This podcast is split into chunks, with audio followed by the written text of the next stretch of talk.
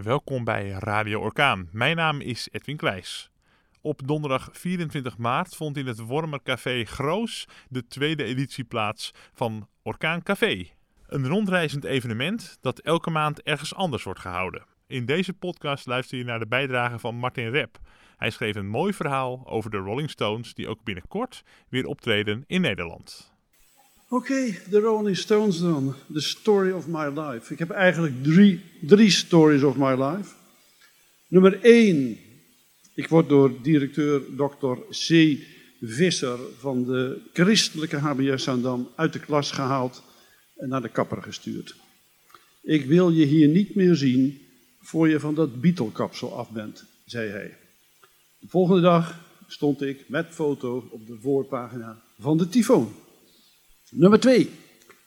Hoe wij tijdens een bootreis in Indonesië op volle zee overvallen worden door een geweldige zeegang. Zodat we ons met handen en voeten moeten vasthouden aan het gammele houten bootje. Dat ons van Sumbawa naar Flores moet brengen. De reis duurde uren.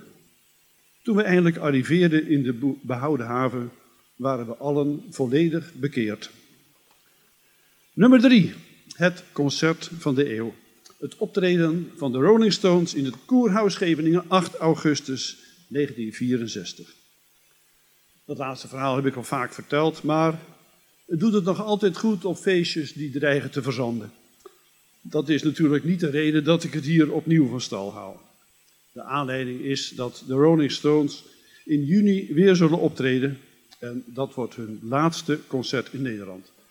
Reken maar uit. Mick Jagger is dan 78. Over een maand wordt hij dan 79.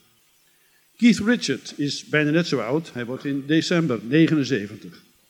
En Ronnie Wood zal dan 75 zijn als hij op 13 juni, ondanks zijn gezegende leeftijd, het podium zal opspringen van de Johan Cruijff Arena in Amsterdam.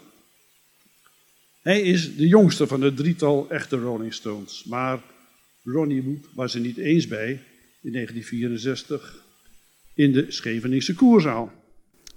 Dat was, afgezien van een tv-treden in Zwitserland, het allereerste concert dat de Rolling Stones in Europa gaven. En over dat concert wordt nu, 58 jaar later, nog steeds gesproken. Onder andere hier. Wat gebeurde er? Toen na een zeer lang en zeer saai voorprogramma, en nog een pauze ook, de Stones eindelijk op het podium stonden, begon het publiek naar voren te dringen. De met fluweel beklede deftige klapstoeltjes begaven het en de pluche lampenkapjes werden van de wanden gerukt. Mick Jagger raakte zijn microfoon kwijt en tien minuten later joeg de politie te paard ons de zaal uit. De Stones hadden genoten van alle ophef. Maar mijn vriendinnetje en ik baalden, want we hadden wel wat meer verwacht dan een optreden van nauwelijks een kwartier. De kranten spraken er de maandag daarop schande van. Er was trouwens niet veel anders om je over op te winden. De voetbalcompetitie was al afgelopen. DWS was kampioen geworden. Wie gelooft dat tegenwoordig nog? Wie waren erbij in dat concert in 1964? Ronnie Wood niet. Die speelde toen nog in een lang vergeten Engels bandje The Birds met een I en niet met een Y.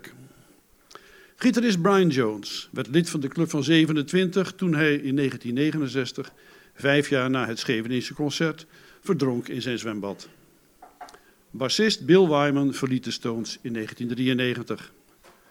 Charlie Watts tenslotte, de drummer, overleed vorig jaar op 81-jarige leeftijd. Mick Jagger en Keith Richards zijn dus de enige nog levende Stones van het eerste concert in Nederland die er in juni ook bij zullen zijn in de Arena. En wie waren er verder nog bij? Uh, Willem van Koten, alias discjockey Joost, Joost en Draaier. Henk van der Meijden, gepensioneerd roddeljournalist.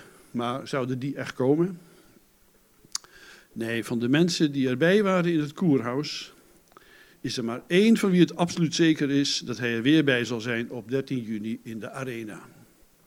Precies, dat ben ik.